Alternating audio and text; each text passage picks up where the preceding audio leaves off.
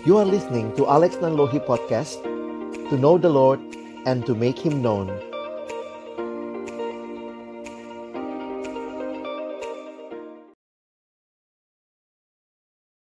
Ah,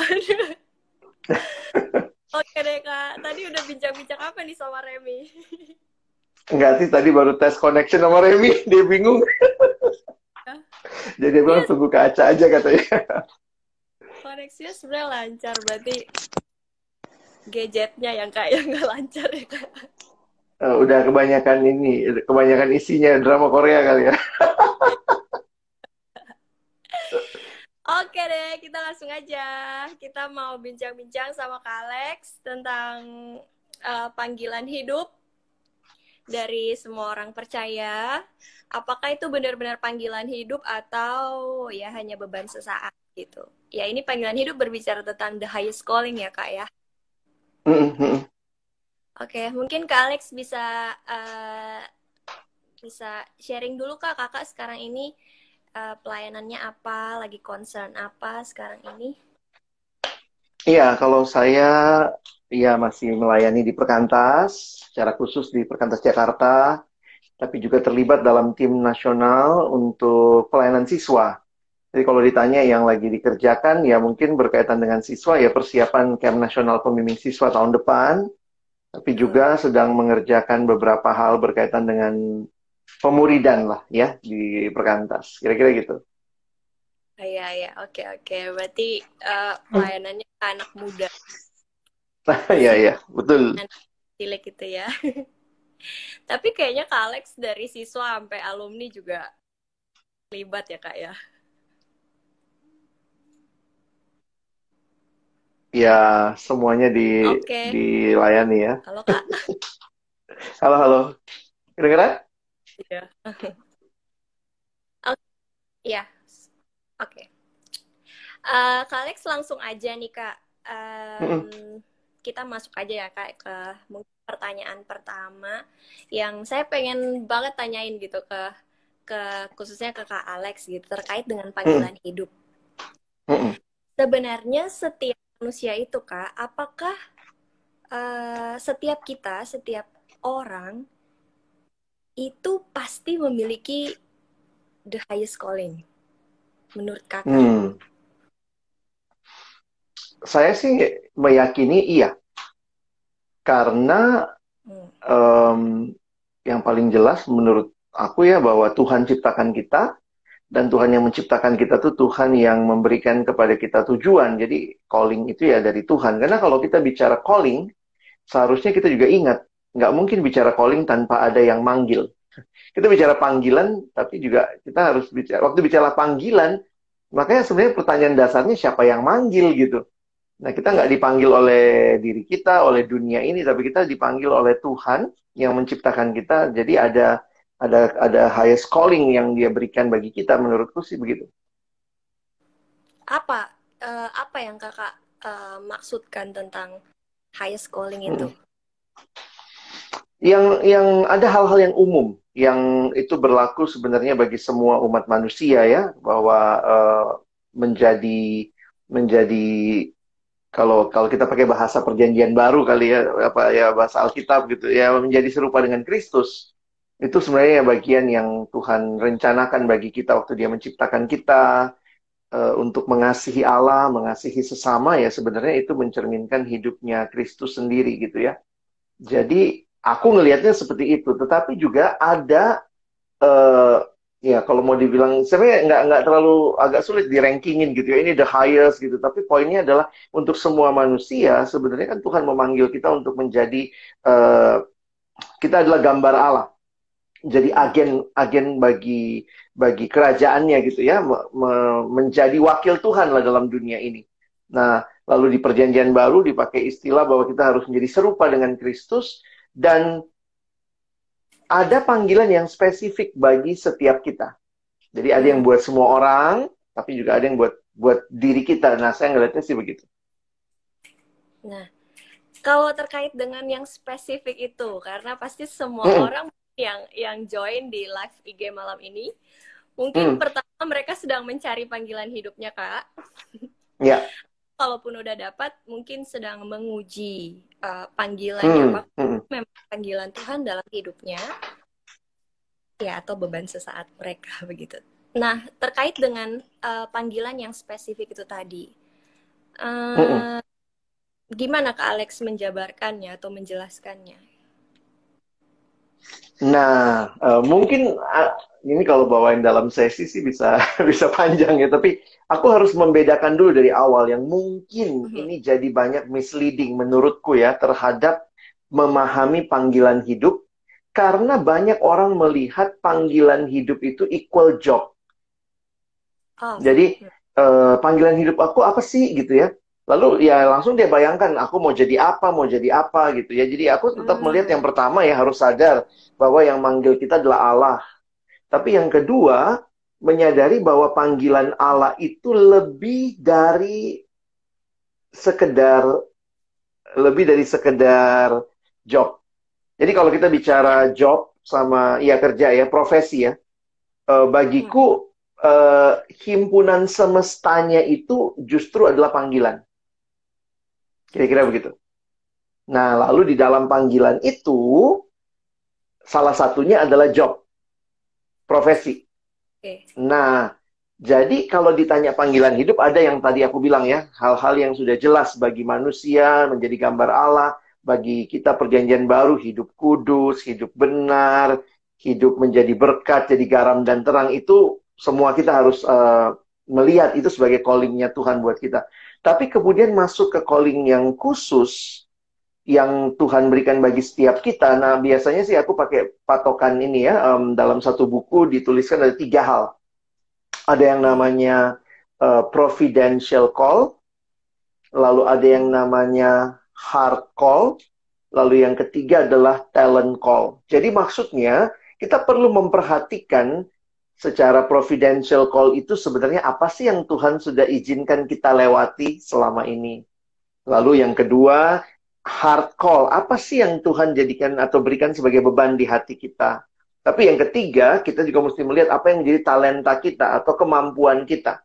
Jadi ketika ketiga hal ini selaras, kita bisa akhirnya menemukan ya hal-hal yang di dalam anugerah Tuhan, iya ya, ini spesifik yang Tuhan kasih bagi saya, kira-kira seperti itu. Jadi nanti kita bisa ketemu beberapa hal.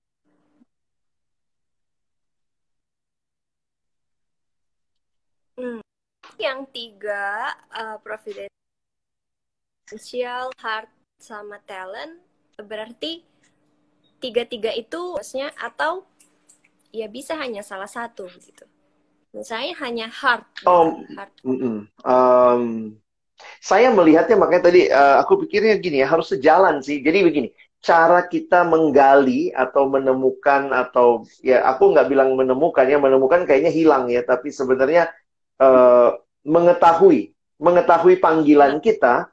Jadi ada satu kalimat yang aku suka ya bahwa panggilan itu sebenarnya Tuhan sudah berikan kepada kita tertanam di dalam kepribadian kita, dalam perjalanan hidup kita. Makanya waktu kita berusaha untuk boleh mengetahuinya, maka tiga petunjuk tadi men- menolong. Aku mungkin kasih contoh lah ya. Jadi misalnya ya ada anak yang dia pikir, eh, kenapa ya kak, aku lahirnya di keluarga PNS ya, papa PNS, mama PNS. Nah itu kan sebenarnya providensianya Tuhan menolong dia pernah ngeliat tuh hidup jadi PNS seperti apa. Memang tidak berarti kalau dia papa mamanya PNS maka dia harus jadi PNS juga. Bukan begitu ya. Tapi eh, coba lihat jejak-jejak Tuhan di dalam eh, kan providensia itu artinya pemeliharaan Tuhan ya. Jadi coba lihat jejak-jejak Tuhan di dalam hidup kita itu bisa jadi salah satu petunjuk atau salah satu eh, hal yang Tuhan tolong kita untuk sadari. Misalnya ada satu anak juga pernah ngomong begini, Kak, aku tuh eh, gampang, lebih gampang kerja dengan kerja dengan anak kecil daripada dengan orang dewasa. Nah, dia menemukan tuh, dia menemukan bahwa dia ternyata di keluarga dia anak paling paling kecil. Jadi ternyata dia punya keinginan, dia pengen punya adik gitu. Nah, ternyata keinginan itu waktu dia masuk, dia bilang kalau di gereja aku lebih milih ada di sekolah minggu. Nah itu kan aku pikir iya ya. Jadi itu itu jejak Tuhan yang Tuhan berikan. Kenapa dia anak paling bungsu, dia pengennya punya adik. Nah itu contoh-contoh providential call. Jadi waktu kita mencoba menggali apa sih yang jadi panggilanku, Coba lihat tuh providential call, kita lihat kepribadian kita, kita lihat perjalanan keluarga kita, kita lihat kenapa ya saya masuk di sekolah negeri ya, bukan sekolah swasta ya, atau sebaliknya kenapa saya waktu itu sekolahnya swasta ya, kenapa kampus saya saya belajarnya ilmu ini ya, nah itu bisa kita lihat sebagai providential call. Lalu harus bukan cuma providential call ya, tapi harus selaras dengan heart. Kita memang passionnya di situ nggak? Nah, ini kan dalam realita di Indonesia, di ya di pendidikan kita lah ya, apalagi anak-anak masih dibiayai orang tua. Kadang-kadang ya, kenapa lu masuk itu ya? Papa mau gitu, mama mau gitu. Nah, tapi kita bisa menemukan lebih jauh adalah hard call. Apa sih yang sebenarnya jadi passion kita? Tapi yang ketiga, juga kita mesti ngerti, ada yang pengen banget tapi nggak punya kemampuan. Saya ingat teman saya waktu itu dia pengen banget dan sudah lulus keterima sarjana eh, apa sorry keterima fakultas uh, teknik elektro. Eh ternyata ini ini salah satu contoh aja ya. Ternyata waktu tes buta warna nggak bisa. Jadi istilahnya tidak punya kemampuan. Kemampuannya nggak ngikut walaupun uh, hatinya mungkin pengen di situ. Ada yang pengen banget jadi dokter, tapi lihat darah pingsan gitu ya. Udahlah, sadar diri kira-kira begitu. Nah, ini tiga hal ini nggak berdiri sendiri-sendiri. Tapi harus dilihat secara utuh, lalu nanti kita bisa makin menemukan tuh. Tentu dengan kehadiran komunitas, teman-teman yang lihat kemampuan kita, kita akan nemu tuh, oh ternyata aku tuh misalnya eh, bisa kerja dengan orang yang lebih dewasa misalnya, atau oh aku lebih suka bekerja sama yang anak-anak, atau ada yang melihat iya ya aku punya beban ternyata untuk jadi aku tuh ketemu dalam pengalaman pengalaman pelayanan orang-orang yang dia frustasi karena dia ngertinya calling itu adalah profesi. Sementara kalau kita mengerti seperti itu, jujur aja tidak ada satupun profesi yang menurut saya bisa menampung seluruh calling kita. Saya ulang ya. Tidak ada satu profesi menurut saya yang bisa menampung keseluruhan calling kita. Jadi penghayatannya begini. Bisa jadi Tuhan memberikan calling itu untuk kita kita berlakukan pertama bisa di dalam profesi, bisa di dalam pelayanan, bisa di dalam hobi. Hmm. Ini mendingan pakai contoh lah ya. Ya saya kasih contoh lagi nih, temen nih, ada teman dia uh, sebenarnya dari dari kuliah tuh eh, waktu dari SMA tuh pengen banget masuk musik. Tapi tau lah ya orang tua dia dia jago gitar, orang tua bilang nggak boleh masuk musik. Kenapa? Nggak ada masa depan. Jadi masuk apa? Yang paling bagus masuk dokter. Oh, kamu masuk dokter. Nah, waktu disuruh masuk dokter, anaknya ya memang dia taat sama orang tua, dia tes gitu dan dasar pinter ya, lulus dia dokter. Tetapi dia sadar betul salah satu calling dari talenta yang Tuhan kasih adalah main musik ya, khususnya gitar. Nah, ini kan gimana nih kalau kita hanya bicara me, meng, apa ya, melakukan atau calling itu hanyalah profesi, emang mau main mau operasi orang sambil main gitar gitu kan nggak bisa ya. Tapi akhirnya saya melihat dia tetap jadi dokter, dia punya kemampuan di situ, tetapi dia mengembangkan uh, musiknya itu yang dia sadar sebagai calling dari Tuhan bukan di profesi tapi di hobi. Jadi dia hmm. tetap aja walaupun dia dokter dia senang main musik, walaupun mungkin dia sehari-hari misalnya uh, kerja seperti apa, tapi dia uh, kemudian bantu di gereja ngelesin anak-anak untuk main uh, apa ngajarin anak gereja main gitar. Jadi dia memakai calling yang dia sadari, talenta yang Tuhan kasih bukan di profesi. Selama jadi dokter dia nggak pernah main gitar kecuali acara ulang tahun rumah sakit kali ya nyanyi-nyanyi gitu ya. Tapi dia pakainya itu di dalam di dalam hobi, di dalam pelayanan. Jadi uh, itu jangan sampai karena kayaknya kita tanpa sadar ya diajarin apa callingmu, apa callingmu. Lalu kita langsung mikir, saya mau jadi apa, profesinya apa. Nah, itu yang kadang-kadang agak menekan. Kira-kira gitu sih, Aca. Berarti memang kita harus ini ya, Kak, harus uh, apa ya? Yang mendia tapi ada usaha untuk uh, menemukan uh, seperti yang tadi Kakak Gung, apa yang Tuhan pernah lakukan mm. dalam hidup kita kesempatan-kesempatan yang iya. terjadi mungkin di masa lampau itu kan pasti ada satu kan berarti kita nggak bisa pasif gitu ya pasif berdoa ya sama Tuhan tapi seperti ya hanya Tuhan memberikan satu momen tertentu ketika mungkin oh. ada ah. retreat atau ada camp dikasih wahyu gitu kan oh ini panggilan Tuhan. Angkat tangan mau jadi hamba Tuhan gitu ya.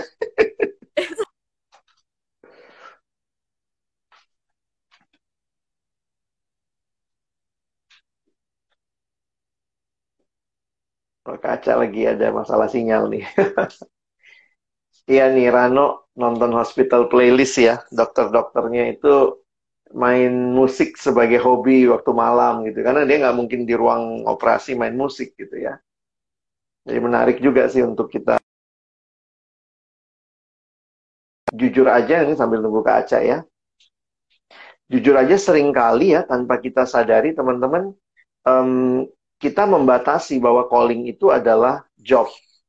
Jadi itu yang membuat kita tanpa sadar uh, mudah sekali tertekan karena kita merasa kita mau cari kerjaan yang sesuai dengan semua panggilan Tuhan, kayaknya nggak ada sih ya.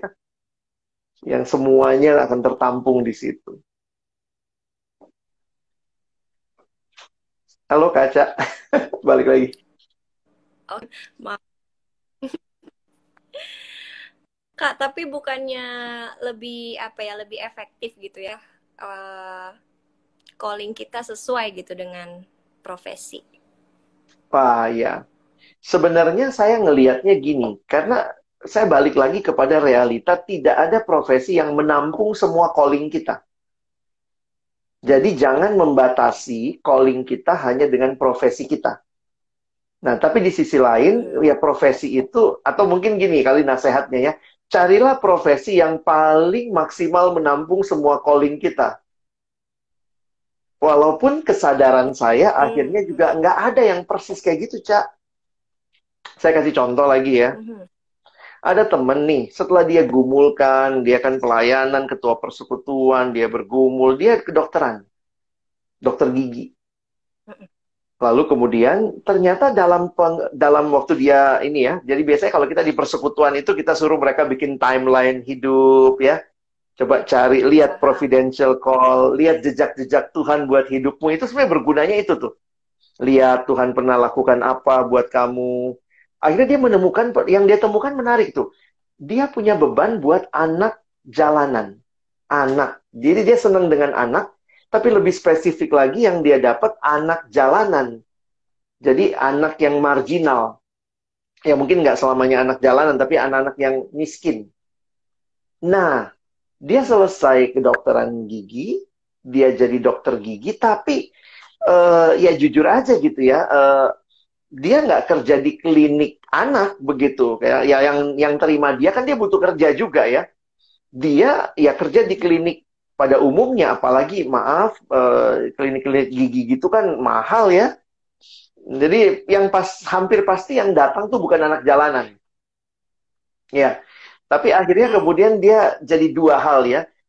Dia masukkan itu dalam profe uh, jadi dia nggak masukin nggak masuk tuh panggilan itu nggak nggak ada dalam profesinya. Tapi dia terlibat pelayanan dengan uh, satu rumah sakit di mobil gitu ya apa klinik gigi di mobil yang keliling nolongin termasuk anak-anak jalanan. Jadi uh, itu yang saya bilang gitu loh. Teman-teman jangan cuman berpikir untuk memenuhi calling kita saya cuman butuh kerja. Kalau kita cuma gila kerja, jangan-jangan ya Tuhan bilang kamu untuk beban melayaninya, kita perlu ambil pelayanan kali ya untuk memang me, me, apa ya menyalurkan calling yang Tuhan berikan kepada kita. Terus kalau misalnya dia teman saya ini kalau Sabtu Minggu nggak kerja, dia punya pelayanan pribadi. Pelayanan pribadinya dia kadang beli biskuit satu satu ya kayak kayak biskuit ini ya yang di kaleng gitu. Terus dia bawa tuh ke bawah jembatan jembatan di Jakarta yang banyak anak-anak uh, orang-orang termarginalkan. Dia duduk di bawah situ makan-makan biskuit sama anak-anak ngobrol dengan mereka. Jadi saya lihat uh, callingnya itu nggak semuanya tertampung di hanya satu profesi. Kira-kira begitu.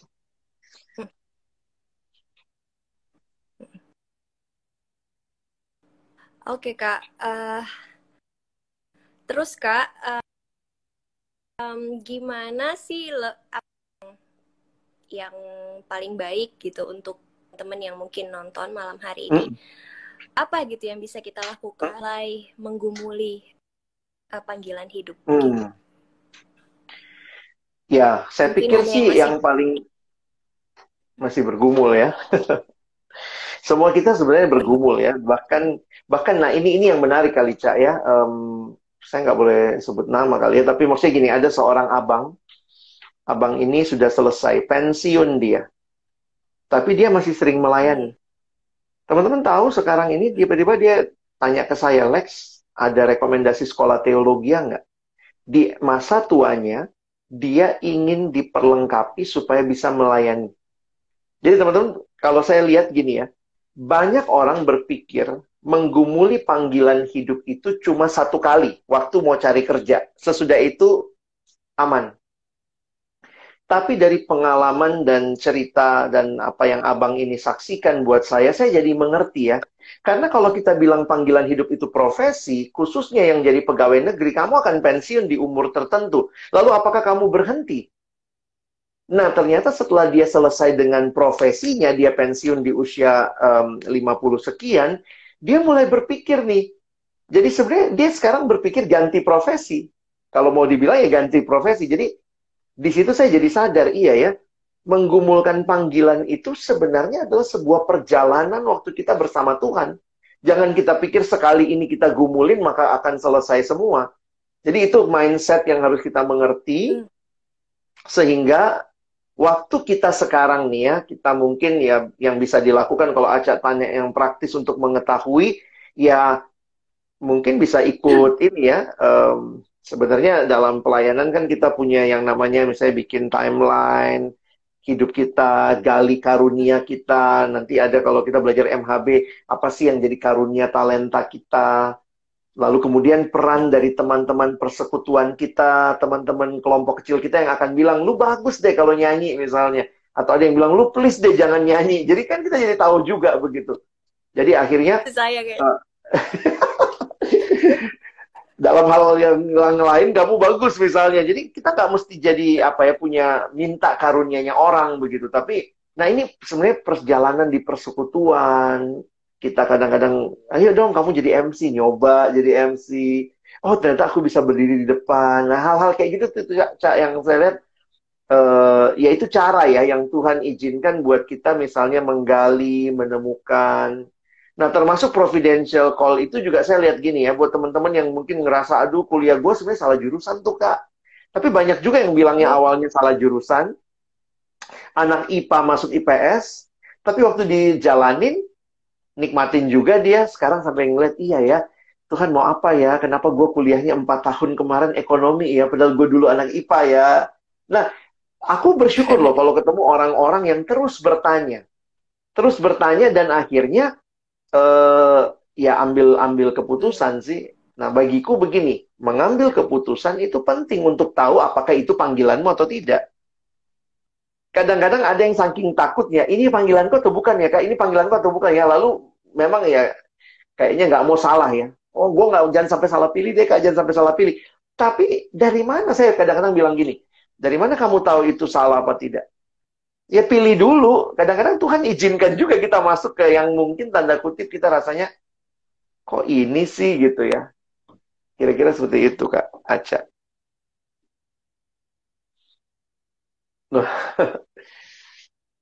Ini mencoba juga ya kan? Iya. Karena semua hal perlu diuji. termasuk salah satu ujiannya itu waktu kita menjalaninya. Uh, uh, Jadi kalau mungkin kayak tema kita malam ini, ini beban sesaat apa enggak ya? Hmm. Ya diujilah sebelum memilih, diuji. Karena ini banyak yang kalau bicara begini, bicaranya nyari kerja nih. Tiba-tiba kan akhirnya tahu-tahu lulusan pertanian, kerjanya di bank, gitu. Itu gimana? Nah, dalam banyak hal saya harus katakan mungkin itu yang Tuhan mau kamu lakuin sekarang kali. Tapi saya masih punya beban untuk pertanian, ya silakan bergumul terus, kira-kira begitu ya. Atau enggak jadi staf perkantas dulu ya, Kak ya? Iya, iya, ya. Terus nanti uh, next step-nya ini ada yang perlu di ini kan ya, ada yang perlu dikuatkan malam ini untuk jadi staff. Iya, iya. Iya kak, aku juga pernah dengar nih kak, katanya um, dan ya aku juga meyakini itu ya bahwa panggilan hidup kita itu akan tergenapi justru pada saat kita udah meninggal kak. Jadi hmm. melihat ke belakang hidup kita, oh baru nih, oh panggilannya tergenapi gitu dan juga iya. uh, dari kakak tadi bahwa wah seumur hidup kita kita masih tetap terus menggumuli panggilan Tuhan itu ke mana bahkan sampai tua pun kita masih harusnya uh, berbesar hati rela hati kita terbuka untuk mengetahui panggilan Tuhan itu ke mana. Nah, uh, kak, jadi beberapa hari yang lalu saya sempat polling tuh di Instagram Perkantas iya. Bali gitu ya sebenarnya panggilan Tuhan itu tetap atau bisa berubah-ubah? Hmm. Nah, ini susah-susah gampang jawabnya ya, karena tergantung kita ngelihatnya apa. Kalau orang yang melihat panggilan itu adalah profesi, maka dia pasti bilang nggak berubah. Sekali milih itu tetap itu. Tapi kalau saya ngelihatnya realitanya nggak begitu sih. Seperti contoh abang tadi ya, setelah dia pensiun dari PNS, dia mikirin kenapa? Karena dia tahu bahwa callingnya Tuhan buat dia tuh bukan berhenti waktu dia selesai profesinya. Jadi sekarang dia jadi ganti profesi. Jadi uh, saya tetap melihat bahwa um, di satu sisi kita harus punya konsep dulu nih. Kalau kamu bilang berubah, berubahnya ke mana? Nah ada contoh juga sih sebenarnya contoh-contoh yang um, ada teman ketika dia harus jadi demi demi masuk ke dalam satu daerah untuk dia bisa melayani dengan efektif, dia mengambil beberapa hal yang menjadi profesi. Misalnya dia uh, mulai dengan melakukan dia jadi guru, jadi dosen, tapi sebenarnya uh, itu dalam rangka menggenapkan beban yang dia miliki. Jadi kadang-kadang saya harus katakan mengganti profesi itu nggak tabu, nggak dosa, sejauh memang dia bergumul di hadapan Allah, lalu Allah bilang udah ganti profesi gitu. Beberapa kami yang sudah sempat kerja di sekuler lalu masuk jadi staf perkantas kan ganti profesi ya. Dosa banget kita berarti ya. Yeah. saya udah sempat kerja di bank loh dulu. Saya pernah jadi dosen, oh. uh, asisten dosen. Saya pernah kerja di bank, terus kemudian jadi staf. Karena saya pikir ini panggilannya paling paling maksimal digenapi bukan waktu saya jadi dosen, bukan waktu saya jadi uh, kerja di bank, tapi waktu saya jadi staff. Hmm. Karena kan dari yang polling itu 80 per, 80 persen menjawab tetap. Gitu. Jadi tetap, panggilan ya, Tuhan ya. dari sekarang lamanya tetap begitu. Dan yang berubah nah, itu hanya 20 saya saya jujur sih ya harus mengatakan apa yang salah ya dengan cara kita ngajarin panggilan ya sama adik-adik kita sampai kayaknya kesan yang didapat itu uh, panggilan adalah profesi. Hanya profesi. Jadi panggilan itu hanya digunakan dalam profesi. Terus kalau jadi profesi sekali milih tuh pokoknya nggak boleh berubah lagi seumur hidup. Takutnya saya takutnya takutnya jadi kita merasa bahwa jadi kalau kita ternyata waktu jalanin nggak suka kita terjebak tuh. Kenapa? Kan nggak boleh berubah gitu loh. Cak, takutnya begitu. iya, iya. Oke, uh, Kak, kalau Kak Alex gimana dulu waktu menggumuli tiba-tiba dari uh, dari punya pekerjaan yang ya iya. sekuler Hmm. terus tiba-tiba langsung full uh, pelayanan? Yang saya hayati waktu itu, waktu saya gali ya bebannya bahwa saya senang dengan mahasiswa, saya dengan saya senang dengan siswa. Itu aja yang Tuhan nyatakan bahwa uh, Tuhan kasih beban itulah. Jadi saya kalau ke kampus tuh menggebu-gebu. Jadi uh, setelah lulus jadi alumni tuh hatinya tapi masih ada di kampus, masih ada di sekolah-sekolah yang saya biasa layani. Jadi saya dulu sudah ikut melayani, saya kan pengurus di kampus, sudah sering jadi pembicara di sekolah-sekolah. Tapi kemudian waktu saya jalani ya, udah kerja sebagai alumni, saya kerja di bank begitu. Tapi gitu ya setiap kali uh, ya ini kan tiap orang beda-beda ya. Saya kan kerja di bank, tapi waktu saya lakukan pekerjaan di bank, saya kerjanya bagus ya. bukannya bukannya nggak sungguh-sungguh ya. Saya kerjaan sungguh-sungguh. Tapi saya nggak bisa bohongin, hati saya itu di kampus. Jadi itu yang saya paling tunggu tuh hari Sabtu Minggu tuh bisa ke kampus, bisa pimpin KTB. Dan saya ngerasa ya itu yang jadi panggilan Tuhan. Dulu saya uh, awalnya kan jadi dosen ya, maksudnya sempat berpikir jadi dosen, saya pernah jadi asisten dosen, saya udah lakonin itu. Nah, jadi waktu itu sebenarnya dalam rangka paling sederhana adalah saya ingin dekat dengan mahasiswa di kampus karena itu beban yang saya yakin Tuhan berikan gitu ya. Saya bisa begitu rupa sayang sama mereka, doain mereka, mengajari mereka. Nah, waktu itu saya mikir ya udah jadi dosen aja gitu. Tapi kemudian dapat peluang kerja ke bank, saya pindah ke bank. Waktu di ke bank saya mulai mikir kan seperti alumni pada umumnya, ya saya bisa kasih uang dong sama kalau anak mahasiswa kan cari duit mulu. Ya ayo kak uh, saya bisa kasih uang. Tapi waktu waktu saya kasih uangnya pun dalam arti sebagai alumni mendukung pelayanan kayak Tuhan ingatkan Lex aku minta dirimu gitu. Bukan uangnya saja kira-kira begitu. Jadi itu yang saya yakini sebagai yang karena saya lihat dari beban itu ya Tuhan pimpinnya begitu. Ya tidak tidak tidak semua orang harus jadi kayak kita ya. Tapi itu cara Tuhan memimpin buat aku. Itu prosesnya lama nggak, Kak? Wah, aku sudah mulai berpikir serius untuk jadi full time sebenarnya ketika bahas MHB bab 7 itu. Ada pertanyaan kan apakah setiap kita harus berpikir untuk menjadi uh, full time? Waduh, itu menggelisahkan.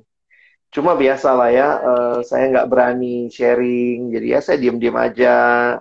Terus kemudian, uh, jadi maksudnya kalau ditanya prosesnya itu, ya sampai meyakini itu, itu kan benar seperti tema kita ya. Kita kan nggak mau GR juga. Ini panggilan sesaat, lagi suka-suka aja, karena semua orang bilang, ah lu bagus deh, lu aja yang maju gitu, lu jadi hamba Tuhan.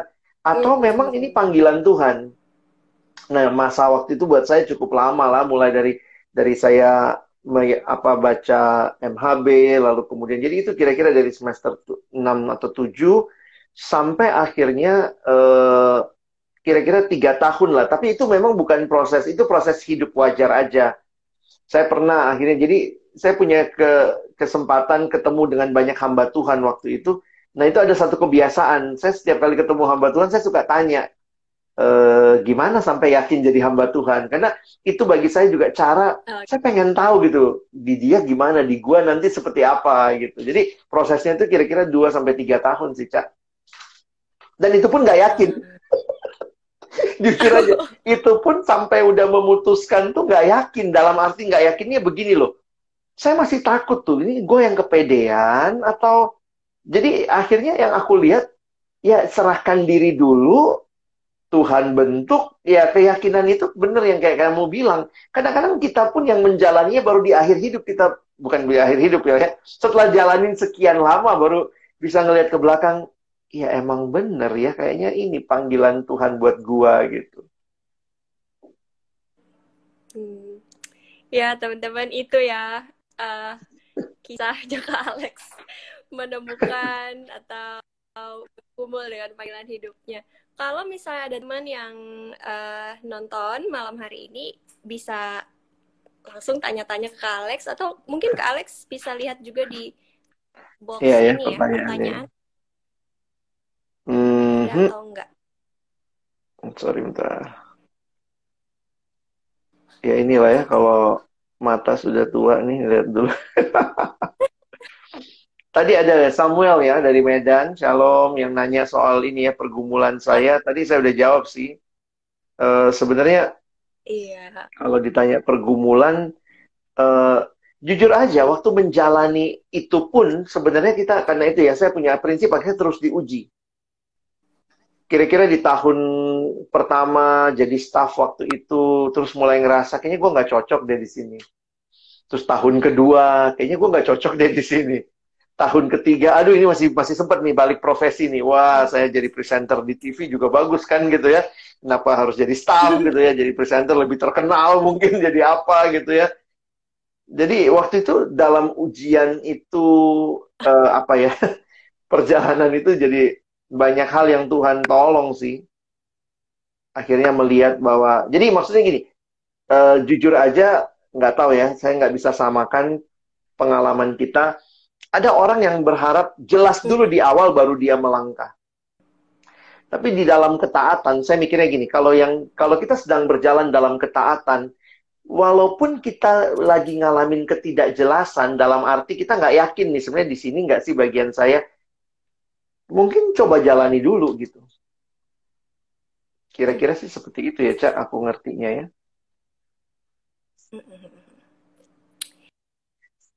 Oke, ini ada Joy. Joy, Joy, ya, Joy, Joy, Jo.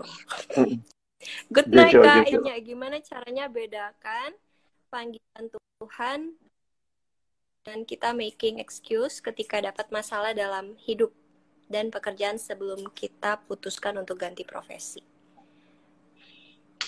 Saya melihat ini khususnya ya Jojo kan alumni baru juga nih ya. Uh, teman-teman juga banyak yang bicara. Karena sekarang tuh kayak kayak ada satu kita nggak bisa tutup mata teman-teman pasti dibentuk juga oleh lingkungan. Lingkungan zaman sekarang di mana uh, aku sih sadar ya lingkungan kalian yang modern ini kan nggak um, kerja itu memalukan banget. Iya nggak sih jadi kalau zaman dulu ya, ada orang nggak kerja 2-3 tahun santai aja gitu ya, zaman-zaman bahela. Sekarang ada anak yang saya tanya, dia udah stres gitu. Kenapa? Belum dapat kerja kak. Lu lulusnya kapan? Iya, dua bulan lalu. Hah? Kok udah udah udah ini banget gitu ya? Beda banget dengan zaman dulu tuh kayaknya Uh, memang sih kerja juga nggak gampang sih waktu itu, tapi akhirnya juga banyak orang karena budayanya waktu itu tidak masalah belum kerja. Karena zaman itu kan kuliah di kampus aja 10 tahun, masih ada mahasiswa abadi ya yang kita kenal gitu ya. Jadi zaman itu tuh fine, kamu lulus belum kerja nggak apa-apa daripada lihat tuh mahasiswa abadi. Jadi ada perbandingan jeleknya gitu, Cak. Nah, oh. sekarang, sekarang jujur aja, beberapa teman baru lulus satu dua bulan, kalau belum kerja, nggak mau loh datang persekutuan alumni. Karena rasanya apa? Loh, harga diri gue, apalagi dia bandingin sama temennya yang belum kerja, eh belum lulus udah ditekin misalnya, atau ada, ih gila tuh dia dilanjutin di tempat magangnya. Gue mesti nyari gitu. Jadi nggak tahu ya, aku ngelihat memang budaya juga mempengaruhi sehingga mungkin kalau kamu tanya tadi soal apa ya yang Jojo tanya gitu ya, um, termasuk di dalam loyalitas dan kesetiaan bekerja. Anak sekarang katanya milenial khususnya ya terkenal itu kutu loncat. Dan mungkin juga benar bahwa ketika ada masalah sedikit, kelas sama bos, ah ngapain sih pindah kerja, nanti ngalamin lagi apa lagi kelas. Nah saya cuma ingin ingatkan bahwa sebenarnya um, nggak ada tempat kerja yang kayak surga ya. Yang kita nggak ada pergumulan di situ pokoknya nyaman semua aman. Ya mungkin masuk pelayanan pun tidak semuanya mulus ya cak ya. Karena selama kita masih Ya, selama selama kita masih berelasi sama manusia yang adalah makhluk yang sudah jatuh dalam dosa tapi Tuhan tebus, maka ada pergumulan. Nah, karena itu kalau ada pergumulan bagi saya jangan langsung memutuskan pergi. Tapi coba lihat lagi sebenarnya Tuhan mau apa nih. Jadi jangan juga kemakan karena anak sekarang tuh kayaknya iming-imingnya gini. Kalau itu nggak sesuai ya udah keluar aja. Nah apalagi ya buat anak sekarang kayaknya gampang banget. E, memang bukan gampang ya semangatnya itu maunya entrepreneur. apa uh, startup, hmm. startup. Oh, pokoknya mau bikin startup. Jadi istilahnya gue kehilangan pekerjaan itu nggak apa-apa. Nah ini yang bingungnya sebenarnya orang tua tuh. Orang tua lihat anaknya pindah kerja, nggak kerja gitu, itu yang bingung orang tua. Padahal anak sekarang tuh kayak ya udah, gue mau cari yang lebih baik, lebih baik dan seterusnya gitu.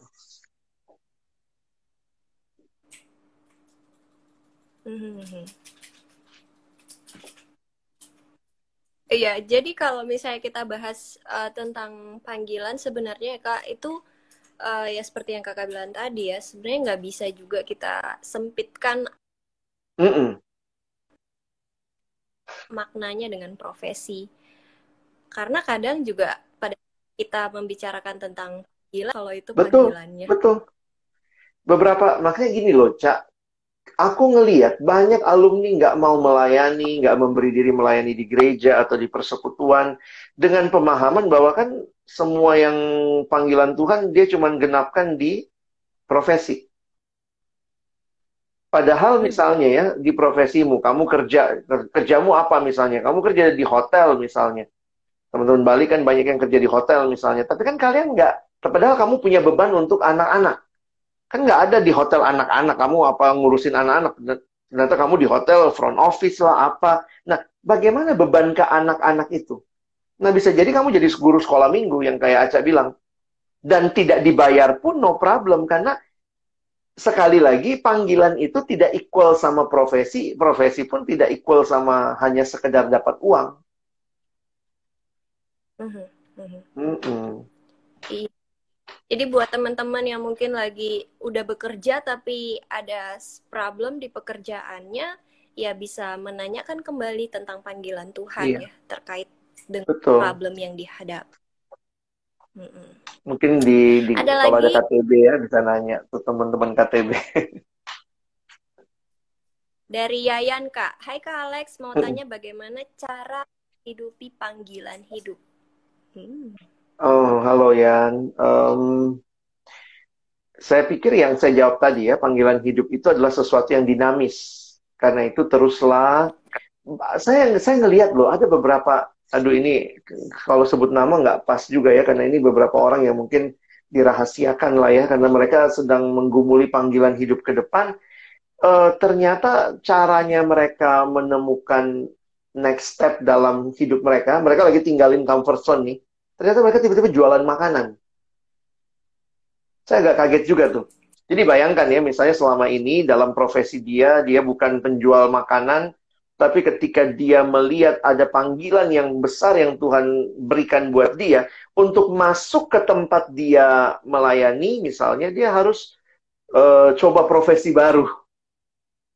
Yaitu misalnya jualan makanan gitu ya. Waktu saya lihat seperti itu, saya jadi mikir gitu, wow, menghidupi panggilan itu tuh dinamis, dinamis.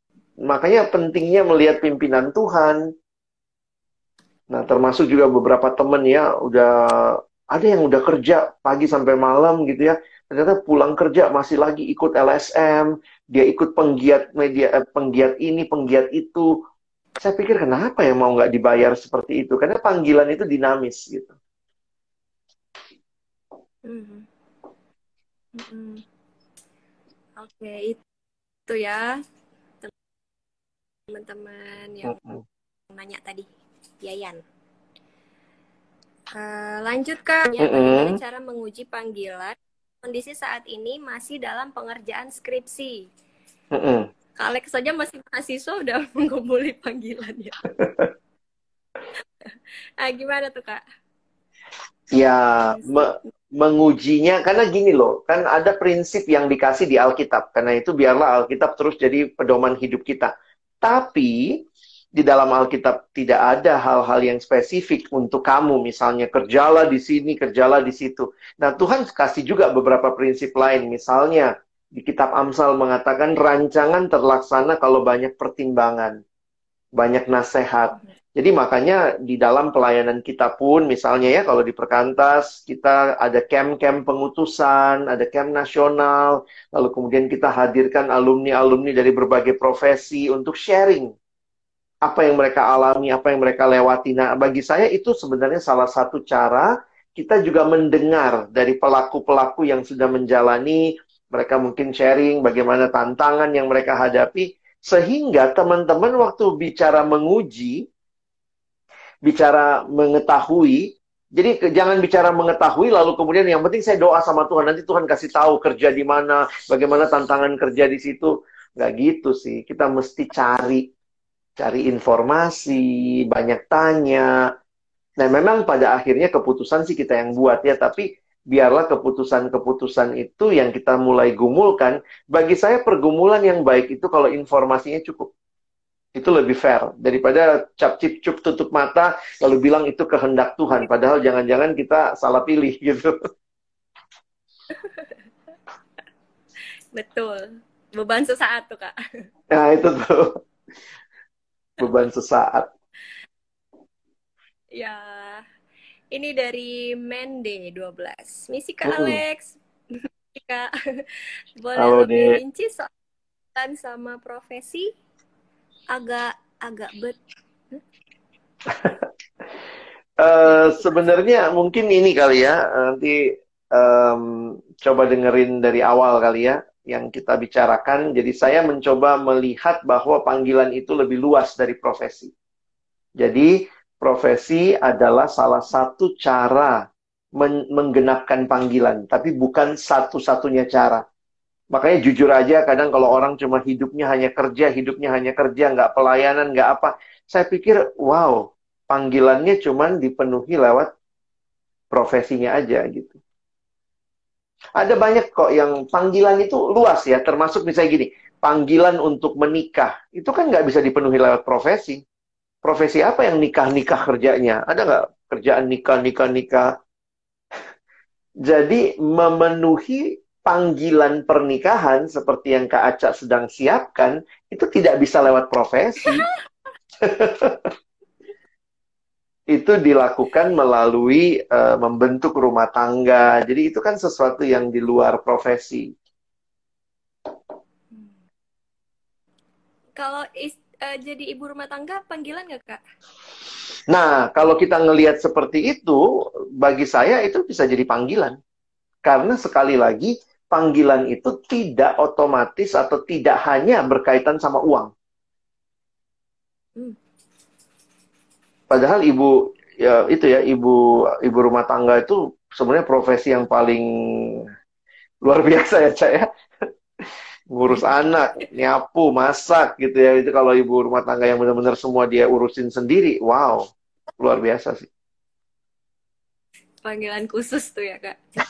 Iya iya. Siap-siap Ngana. Maunya gitu sih kak, tapi ya yeah, gimana yeah. nih nggak ada tanda-tanda dari Tuhan. sabar, sabar.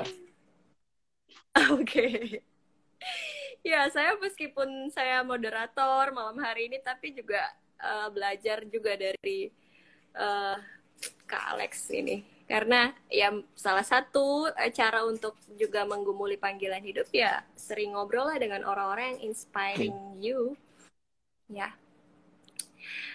Kak ada juga yang bertanggapan nih nggak ada yang ah, teman-teman kalau ada yang mau nanya lagi tanya aja ya sebelum kita naikkan live ini.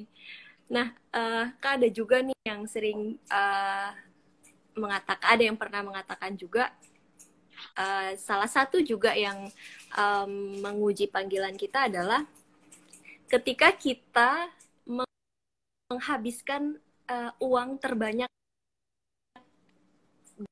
di hal tersebut.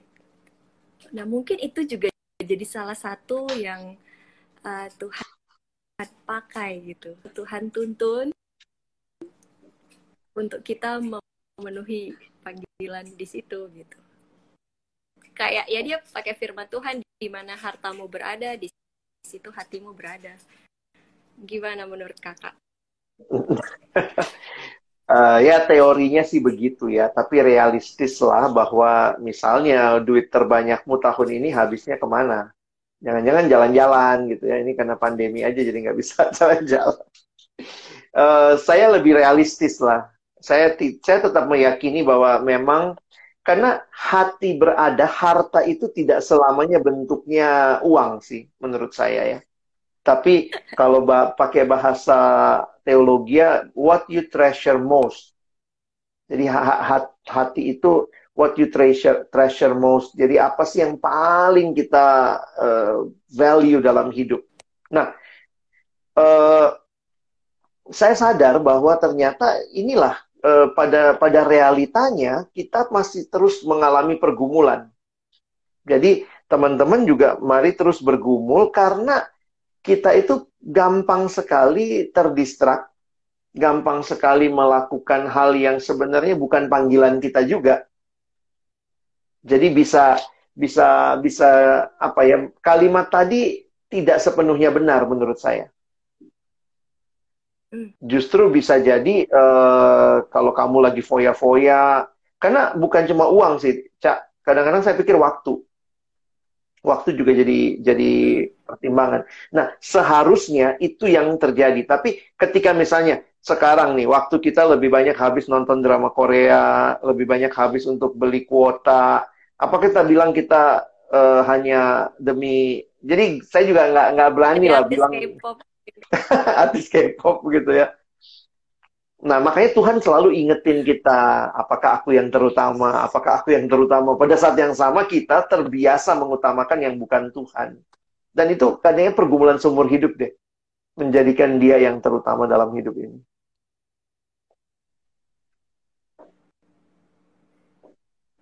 Akhir kenapa?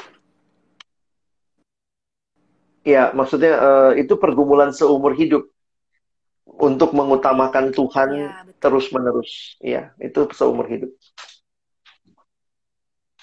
Iya betul sekali. Tapi uh, itu pun jadi salah satu pertimbangan saya secara pribadi kak. Karena pada saat bergumul tentang panggilan hidup ya uh, di masa setelah lulus kuliah uh, saya sempat ditanyakan seperti itu gitu kamu uangmu selama ini habisnya ke mana? Waktumu selama habisnya buat apa? selama ini habisnya ke mana? Nah saya pikir karena kan studi yang paling banyak apa namanya menghabiskan uang saya secara mm -hmm. pribadi. Tapi setelah dipikir-pikir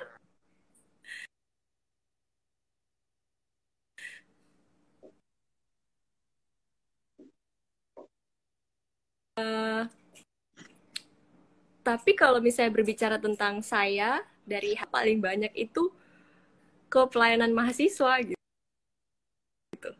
Dan waktunya iya, iya. juga justru ya di kampus of course gitu hmm. kuliah. Selain itu juga adalah pelayanan mahasiswa gitu. Hmm. Jadi pada saat itu itu jadi salah satu, salah uh, satu hal yang ya. mendukung mendukung uh, saya untuk menetapkan gitu untuk ya jadi full timer staff Iya.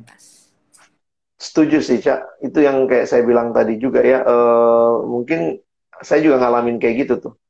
Hatinya lagi kerja tuh hatinya di kampus. Lagi kerja hatinya di kampus oh. gitu. Nah, jadi sebenarnya waktu itu tuh jujur aja karena saya udah kerja. Kalau kita belum kerja, mungkin kita bisa, makanya saya bilang tadi, bukan satu-satunya petunjuk di mana kita banyak menghabiskan waktu. Karena waktu saya udah alumni, saya nggak ada di kampus, saya cuma satu minggu di kampus. Tapi waktu saya lagi ada di tempat lain, hati saya di situ gitu. Jadi akhirnya coba menggali lagi sih. Benar-benar. ada pertanyaan lagi kak dari Sarah Handrea. Handre. Kak mau tanya, saya sudah mendengar panggilan saya, tapi terhambat oleh restu orang tua. Apa yang harus saya lakukan? Terima kasih. Bless you. Thank you. Ini Kenapa? banyak banget pasti. Uh, iya banyak yang kayak gini ya. Ah, saya karena ngelayaninya anak SMA itu struggle-nya lebih kuat sih antara orang tua, keinginan orang tua dengan maunya anak. Apalagi yang saya bilang tadi ya di Indonesia kan anak masih dibiayai oleh orang tua. Jadi istilahnya lu nggak mau ikutin mauku, ada orang tua yang gitu. Pokoknya saya nggak akan biayai kamu. Nah. Saya harus katakan cara pandang tadi, di mana profesi itu lebih, uh, panggilan itu lebih luas dari profesi, bagi saya menolong juga untuk teman-teman yang punya pergumulan dengan orang tua. Karena yang seperti saya jelaskan tadi ya, jadi ketika adik itu misalnya bilang, Kak, saya yakin nih Tuhan kasih beban saya di musik. Tapi ternyata orang tua menolak. Apa yang harus saya lakukan? Nah, saya cuma cuman bilang sama dia, uh, ya pertanyaan saya waktu itu, apakah satu-satunya cara memaksimalkan panggilanmu dengan kuliah musik? Nah itu jadi jadi akhirnya uh, itu yang dia coba coba gumulkan dan akhirnya waktu dia gumulkan itu ya cak dia jadinya ikut tes kedokteran dan kemudian dia jadi tidak kuliah musik musik dia kembangkan sebagai hobi. Nah saya nggak tahu untuk beberapa kasus bisa begitu. Wah, Cak, tinggal 30 detik. Kita live ulang atau gimana? Eh, nggak uh, apa-apa, Kak. Teman-teman yang udah ikutin IG live kita malam hari ini, saya Alex Nanlohi dengan Perkantas Bali. Sebagai closing statement, saya ingin mendorong teman-teman terus bertumbuh untuk juga bisa menggumulkan panggilan Tuhan yang sangat dinamis itu di dalam perjalanan hidup kita. Dan kiranya ketika kita terus belajar taat kepada apa yang menjadi panggilan Tuhan, kehendak Tuhan buat hidup kita, kiranya kita menikmati Tuhan terus memimpin dan melalui ketaatan kita juga orang lain di sekitar kita boleh mendapat berkat. Jadi kiranya siaran malam hari ini boleh memberkati teman-teman sekalian. Sampai jumpa.